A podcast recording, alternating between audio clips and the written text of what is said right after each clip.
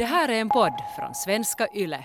För att ha en bra diskussion så kanske jag måste fundera om lite. Jag kan inte vara liksom mitt sex och sånt jag i vardagen. så vet jag att vissa är lite oroliga över att men vi kan ju inte berätta åt folk att, att det finns sådana här saker för då vill de bara prova det. nu får du ju en annorlunda pondus i det som du säger när du säger fitta och om jag säger till exempel vagina.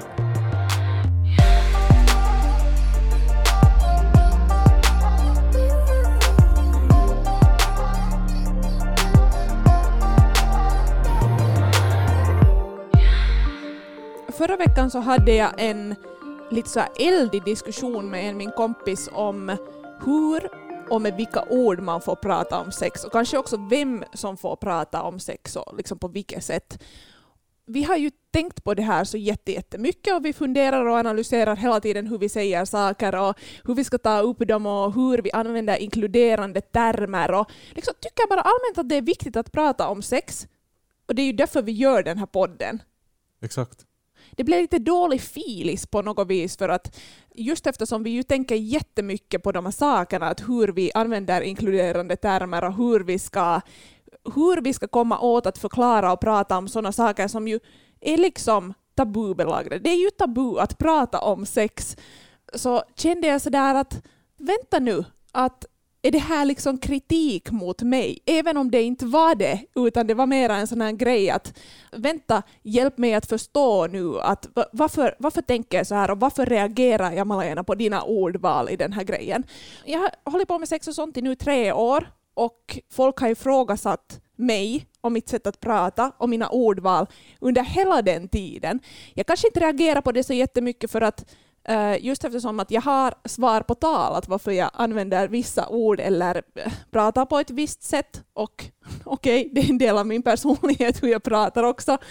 Men det kanske liksom gick in på ett personligt plan därför för att det var någon nära mig som, som ställde den här frågan. Mm. Jag har ju jobbat också med sex och sånt i många år och, och jag har inte på det viset själv kanske fått inte kritik över språket som jag använder. Men jag vet att min mamma har fått kritik över det. Det var någon i, Okej. i butiken, det här är länge sedan, men det var någon som i, butiken eller på butikstrappan kom fram till henne och var sådär att ja, att eh, din, din son sa kuk i radion. Och mamma var sådär Oho. Ja, men att de, de, så- de gör ett sånt program som, som handlar om, om liksom sexualundervisning och, och sådär. Och det förstod han att det, det, det, det vi gör vi ju.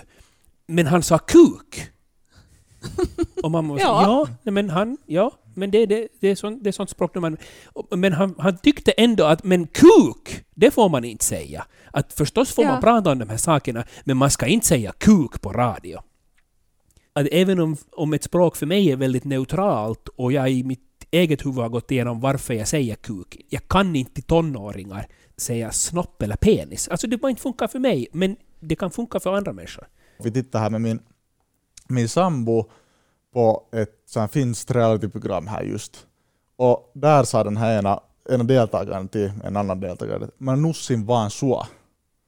Jag tyckte det var så jättefult. Ungefär sådär...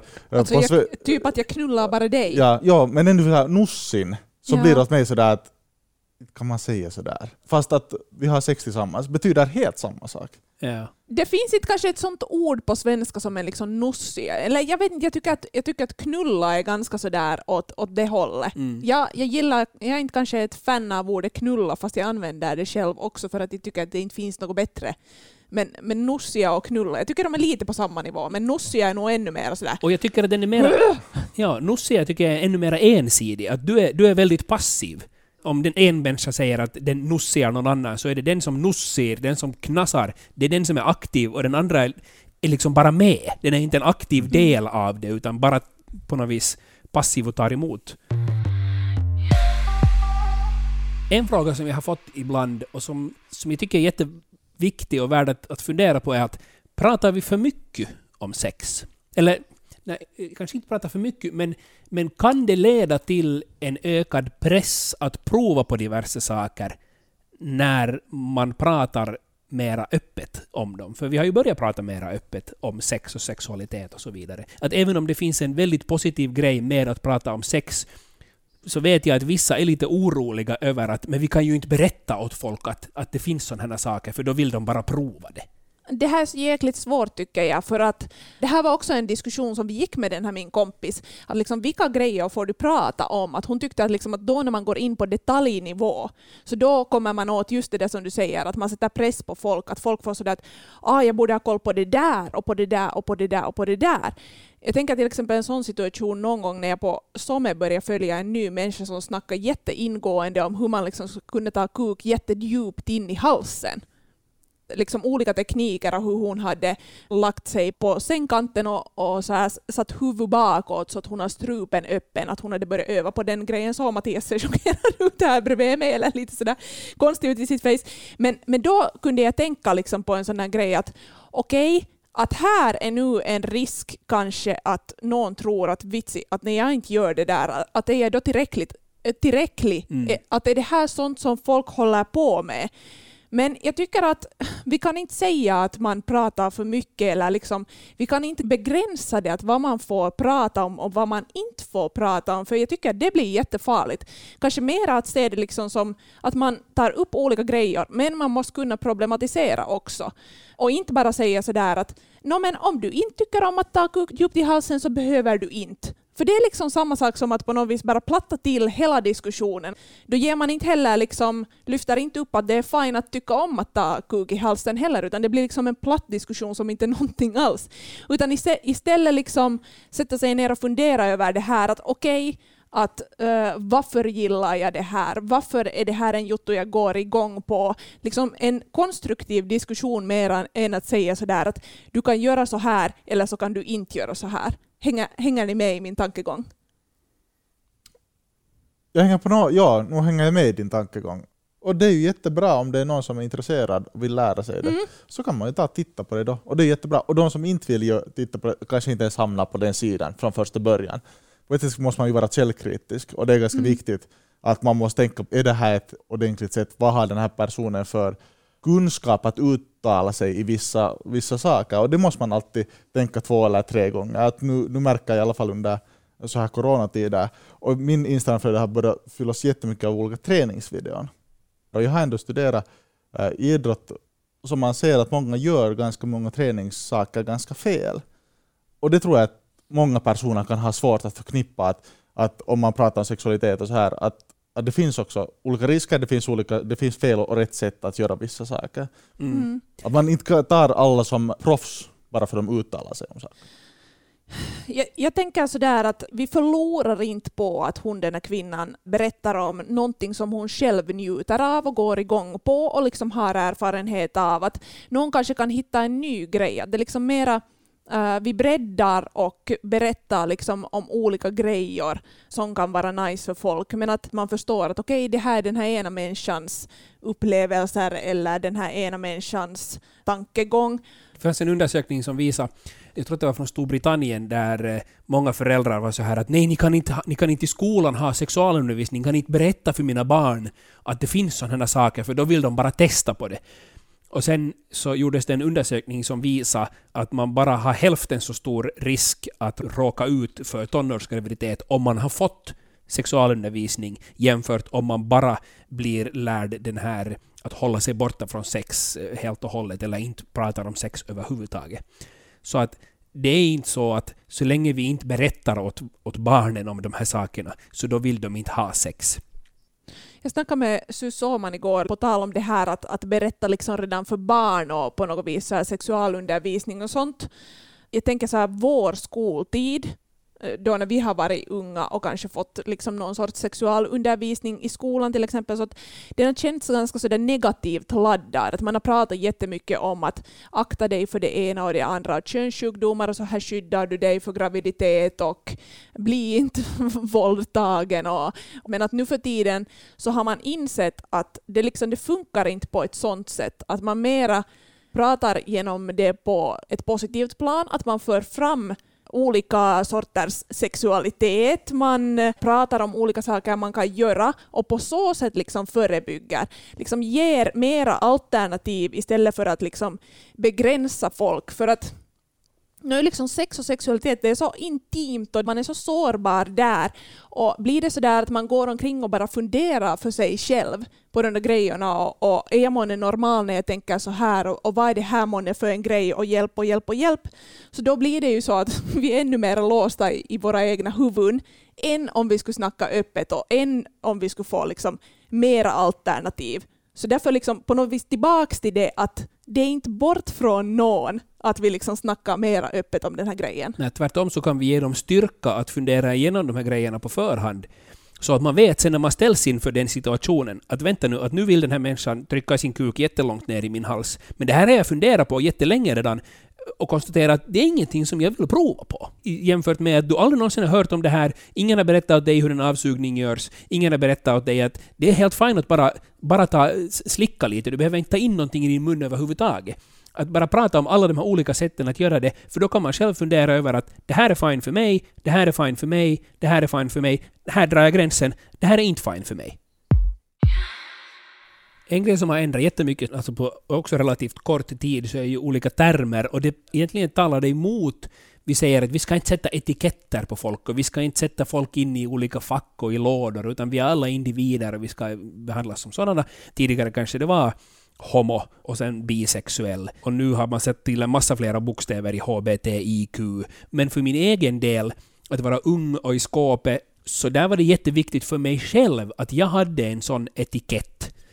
Att jag kunde vara så här, okej, okay, vänta nu, homosexuell. Är det det det här handlar om? Är det det jag är? För då kunde jag söka mera information och framförallt hitta andra människor, andra likasinnade. Så därför tycker jag att de är otroligt viktiga att de finns de där etiketterna som man har den för sig själv. Men sen Mattias och Malena ska vara ganska försiktiga med att använda eh, etiketter som inte beskriver dem själva. De där etiketterna, de finns inte till för er. Fast det inte har någonting med sex eller sexualitet att göra, så för mitt eget psykiska välmående så, så har det varit väldigt viktigt att det finns termer och att det finns någon som pratar om det här och att det finns ett mm. sätt att uttrycka det som jag upplever att jag är sen tänker jag ju med det här liksom att just att vem får prata om sex? Vem får utrymme att synas och höras?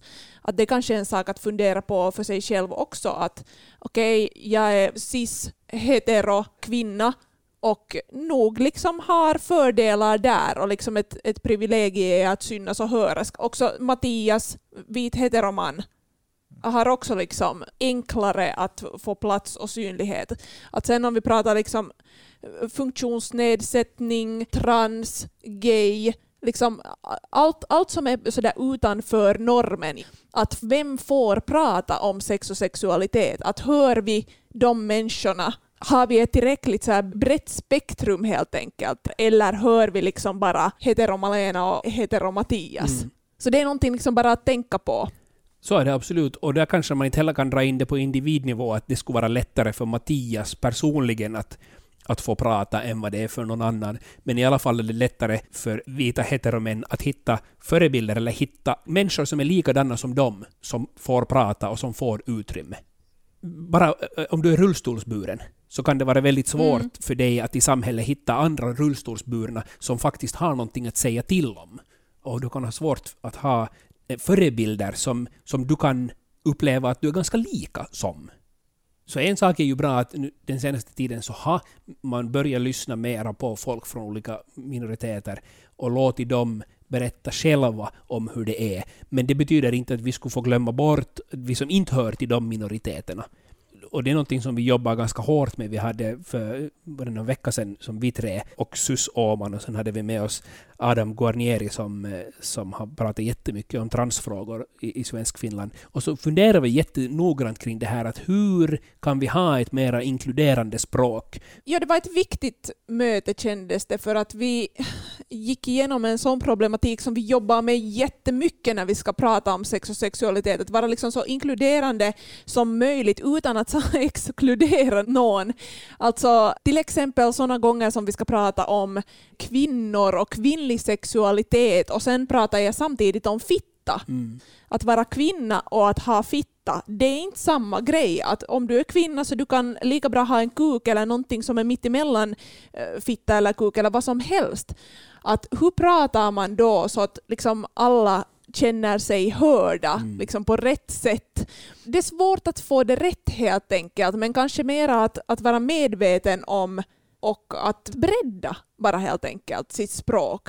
Och jag kan förstå, det finns ju många nu för tiden som också är sådär, vadå, att få, jag är ju, att nu har jag en lippis på där det står att jag är pojke för att jag är pojke. Att man får inte mera vara pojke eller man får inte mera vara man. Jag kan förstå att när det Mm. pratas så otroligt mycket om att vi ska kunna och våga ge utrymme åt sådana som inte är nödvändigtvis hör till de här stora majoriteterna, att, att den stora majoriteten känner sig lite utmanad på något vis. Jag tror att man kan inkludera bort majoriteten. Om man helt slutar prata om män och kvinnor och bara pratar om kukbärare och fittbärare för att man vill prata om sådana som har de könsorganen. Eh, eller om man pratar om människor och man bara pratar om hen och ingen han och hon mera, så tror jag att det finns ganska många som vänder sig bort från det språket och inte mera känner sig inkluderade. För att man inte mera pratar om det som de upplever att de är, det vill säga män och kvinnor. Som jag sa tidigare så har jag fått en hel del skit för hur jag pratar och jättemycket skit för mina ordval. Så länge som jag jobbar med sex och sånt. Och jag har ju insett att visst, det är en del av min personlighet och det är kanske en del av någon sorts sex och sånt karaktär som jag har, att jag har en viss attityd och jag liksom, jag kör hårt på den. Men så är jag nog, jag vet inte sådär, när jag säger karaktär så det låter kanske också tokigt för att så här pratar jag nog väl också med er också utanför Ja liksom Och banningssituationerna. så har du pratat före du började Att- jobba med sex och sånt Malena, jag har känt det en tid. det är sant. Så det är, liksom, det är nog en del av mig. Men jag tänker liksom att kvinnor har en bakgrund i att på något vis måste owna det här, att hur man pratar om, om sex och sexualitet, eftersom det har varit så jävla förbjudet. Och därför så har jag ju fått söka mig fram till sådana ord som känns bra för mig. Alltså jag, jag kommer inte riktigt ihåg ens att innan jag började med sex och sånt, att liksom vilka ord jag har använt sådär regelbundet. Men att i och med att jag har pratat sådär veckovis och liksom under tre år helt jättemycket om just sex så har jag ju måste ta till mig och fundera själv att okej, vilka ord vill jag använda? Vilka liksom passar in i, i mitt språk och i min personlighet? Nu inte vet jag. Alla ord är ju på något vis laddade. Jag snackade med en eh, hon heter Marina Stenbeck, studerar svenska och engelska tredje året på Åbo Akademi och är så allmänt intresserad av språk och hur man använder språk. Uh, och jag ringde och snackade med henne och uh, hon sa direkt att, men att, att du får skit för att du är kvinna och du pratar på ett visst sätt. Och det har jag ju liksom nog insett att jag har ju inte kanske ett så här eh, feminint sätt att framföra mina saker alla gånger. Och jag säger väldigt rakt saker och att det kan vara provocerande för att det finns en annorlunda förväntning att jag ska bete mig på ett annorlunda sätt. Och då blir jag ju ännu mer så här eh, feminist och eh, ställer mig på barrikaderna och skriker att de här orden vill jag använda, de här orden tänker jag använda. och sätter liksom ännu mer pondus i de där orden. Jag snackade alltså med, med Marina och eh, frågat hur vi pratar om sex så där i största allmänhet i vardagen. Så om vi då tänker oss då en, ska vi säga, avslappnad kaffebordsdiskussion som skulle kunna handla om sex. Så det är kanske ett ämne som för många är lite tabubelagt. Och då vet vi att det finns ord och uttryck som vi förhåller oss lite olika till. Det som någon tycker att det är ett neutralt sätt att uttrycka så tycker någon annan att det kanske är negativt laddat eller att ett ord inte alls är ett bra ord för att beskriva någon kroppsdel eller något man gör när man har sex fast, fast du kanske tycker att det är ju det mest naturliga sättet att beskriva det på. Och vi vet också att, att vi som människor vi anpassar vårt sätt att tala enligt till exempel vem vi talar med, vad är sammanhanget, vad vi talar om och så här. Och det här betyder att alltså före vi har inlett en diskussion om sex, så då har vi kanske en bild om hur vi tycker att man ska tala om det, vilka ord man ska använda, vem som får använda olika ord, hur ska kvinnor och män tala. Om vi då tänker på hur män och kvinnor talar om sex mer specifikt, så då tror jag att det bygger ganska mycket på våra bilder om hur män och kvinnor talar annars också. Män ska tala lite, det ska vara lite macho, det ska vara lite hårt, man ska vara liksom en stor och kraftig man. Jättestereotypt, men samtidigt att, att kvinnor på något sätt, det ska vara lite försiktigt, man ska tala lite lugnt, man ska fundera att vad kan vi nu riktigt säga? Och det här är det vi liksom utgår från, att men det är så här talar män om sex och så här talar kvinnor om sex. Och i podden har jag till exempel märkt att det känns som att, att Mattias och Dan är jättemåna om att inte odla på en sån här machokultur. Och det tycker jag är positivt, men det gör också att sen när du Malena ibland har lite sådana här mer maskulina kanske drag i ditt sätt att uttrycka sig, det som vi annars skulle koppla till att så där talar en man om sex, så då blir det den där konflikten i vår hjärna att, att vänta nu att när du hade förväntat dig att Mattias och Dan skulle som män representera en sån här maskulinare och grövre ton och du Malena som kvinna skulle ha en liksom mjukare och så blir de på något sätt motsatta. Jag kan hålla med om det där. Och jag kanske har gjort samma fel, eller inte vet jag fel, men antaganden. Eller jag har förstås gjort samma antaganden. Varför skulle jag inte göra det? Men nu kan man exempelvis tänka när man säger Mattias. Alla kanske inte har sett Mattias, men jag kan berätta. Mattias är blond. Inte jättelång, men inte alls kort. Bra kropp. Tränad. Ser ut som en typisk fuckboy. Alltså helt klart. När man ser Mattias så är man såhär, det där är en fuckboy och han knullar runt och han är ett svin. Och sen när Mattias öppnar munnen och pratar om, speciellt om sex och sådana saker, så har det liksom, det är så långt ifrån den föreställningen som man kanske skulle ha om när man först ser Mattias. Och, och jag hoppas att du inte tar det här Mattias alltså på ett negativt sätt nu när jag säger det. Det är precis det här som Marina sa, att, att alla människor funkar så. I sitt huvud så bygger man upp en bild av hur någon ska vara utgående från hur den ser ut. Och sen när den inte alls är sån, så blir det en konflikt i huvudet om man är så här att wait a minute, så där skulle han ju inte säga, för att så hade jag inte föreställt mig att han skulle prata. Och då, då, då, då blir det en konflikt, och ska jag prata med dig så kan det hända att det blir en konflikt mellan oss också. Därför för att du reagerar inte på ett sånt sätt som jag förväntar mig att du ska reagera, utan du är mycket smartare och mycket mer analytisk och mycket mer eh, påläst än vad jag kanske skulle ha trott att du är. Och samma sak med Malena, du är tränad, du är snygg, egentligen borde du vara en bimbo, du är inte det.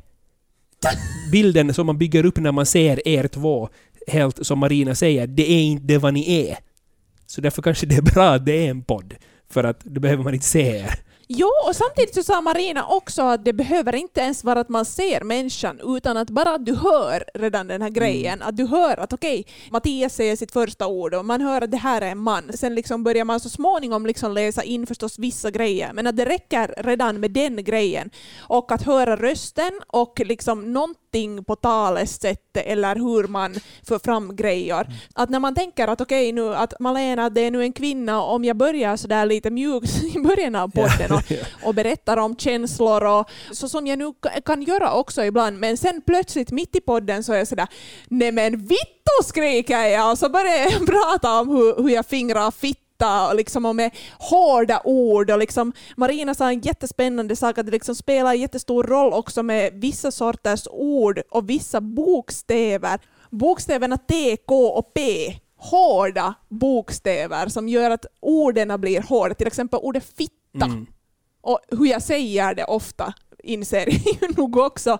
Det låter hårt, det låter aggressivt och ett sånt talesätt, eller ett sånt sätt att tala så ser man mer liksom som manligt. Men det är ju det som är alltid med, med i princip förutsatta meningar. Men just också med den här orden att, att nu får du ju en annorlunda pondus i det som du säger när du säger fitta och om jag säger till exempel vagina. Nu mm. låter det ju helt annorlunda och hur man tolkar dig då enligt den rösten som du använder. Mm. Och jag, om jag tar en lugnare röst och pratar mer sån här melankoliskt. Mm. Så nu är det ju helt olika såna signaler som det skickar. Det är helt sant. Och det sa Marina också, att därför till exempel använder äh, läkare så använder så här väldigt kliniska ord. För vi började liksom fundera, att vad skulle vara då ett så här neutralt ord så att, så att man inte skulle behöva få den här jävla chockfaktorn varje gång som jag säger fitta. För att det kan ju vara jobbigt att lyssna på äh, någonting och, om man känner så här, varje gång jag säger någonting. Att jag kan ju liksom inse det liksom innan man blir van att ah, ja, det här är nu en sån här kvinna och hon säger så här. Så kan det ju liksom vara så chockerande gång på gång och man får liksom käftsmällar hela tiden känns det som. Och därför använder till exempel läkare latinska eh, så här begrepp, termer, terminologi, för att det finns ingen jävla laddning i de orden. Mm. För, då, för då fokuserar du inte på vilka ord de använder och hur de säger dem, utan du funderar, fokuserar på vad de säger, för det är ganska viktigt att du lyssnar på mm. din läkare. Ja, det är så konstigt bara med de här liksom orden, för att vi försökte fundera då att finns det ett enda ord som liksom inte har någon sorts laddning? Och vi kom fram till kanske att det mest neutrala är att säga att ha sex. Men det är ju så jävla brett det också. Va, vad betyder det mm. liksom? Du kan ju inte prata om att jag hade sex och så är det sådär, jaha, men va, liksom, vad, hade, vad, vad gjorde du då? Men, men samtidigt så tror jag att det också väldigt många personer kan vara just den, bara den informationen som man vill förmedla. Mm. Och då är ordet, eller begreppet ha, vi hade sex jättepassande. Mm. Ja, lite tillbaks till det som Marina sa, att man speglar jättemycket den andra. Att hur vågar jag säga det här åt dig? Berättar jag åt Mattias och Dan att jag hade sex? Eller berättar jag att, att jag tog kuk djupt in i halsen liksom, och det penetrerades i alla hål efter det och på vilket vis? När liksom går det över gränsen för den andra? Liksom genom att inte använda sådär jättebeskrivande ord eller beskrivande berätta om sex så skyddar man både sig själv men man skyddar kanske ännu mer den som ska lyssna. Jag tror att det är just det där, man, man skyddar den som ska lyssna och därför, som Marina sa, därför väljer man att inte prata om sex överhuvudtaget. Så det här är bra att tänka på alltid när man pratar om sex, inte bara när man lyssnar på podden, utan när man pratar om sex överlag, när man ska ta den diskussionen med någon. Alltså, ja, eller jag börjar tänka liksom just för själva diskussionen. Jag tänker med er, så jag vet ju exakt vad jag kan säga åt er och liksom på något vis har lärt känna era gränser, att hur jag kan säga, eller inte vet jag. Jag tror att jag inte bryr mig så mycket med er för tillfället, att vad jag säger och hur jag säger, för jag vet att ni liksom kan ta det, att jag kan nog säga det jag tänker med er. Men att visst i andra sorters diskussioner med folk som jag inte kanske känner så bra ännu, att liksom inse att okej, att vitsit, jag, jag kanske använder sån terminologi som kan vara sån att folk ryggar tillbaka och för att ha en bra diskussion så kanske jag måste fundera om lite. Jag kan inte vara liksom mitt sex och sånt jag i vardagen alltid med, med alla personer. Nej, och det är ju det att, som vi pratade tidigare, att, eller jag kan säga att, att vi hade sex med någon, åt någon person och sen att man nussin hände till någon annan. Att sådär att, vem är det som jag pratar med så känner jag till sådär att nu kanske jag just ändrar på vad jag nu säger och hur jag uttrycker mig.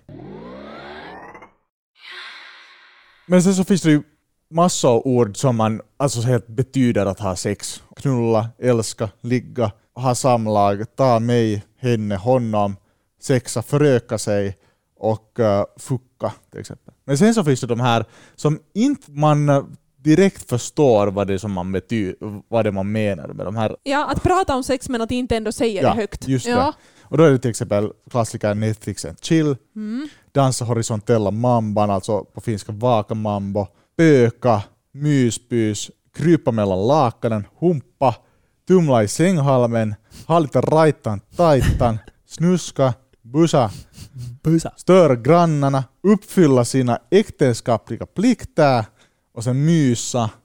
Alltså nu är det ju jätteroligt att om jag skulle ha en diskussion nu här, den kaffebordsdiskussionen, och så skulle jag börja liksom med att fråga den andra att hej, att, att skulle du kunna slicka min fitta?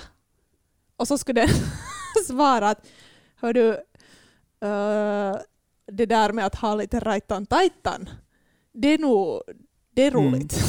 att liksom, hur, hur går en sån diskussion liksom till?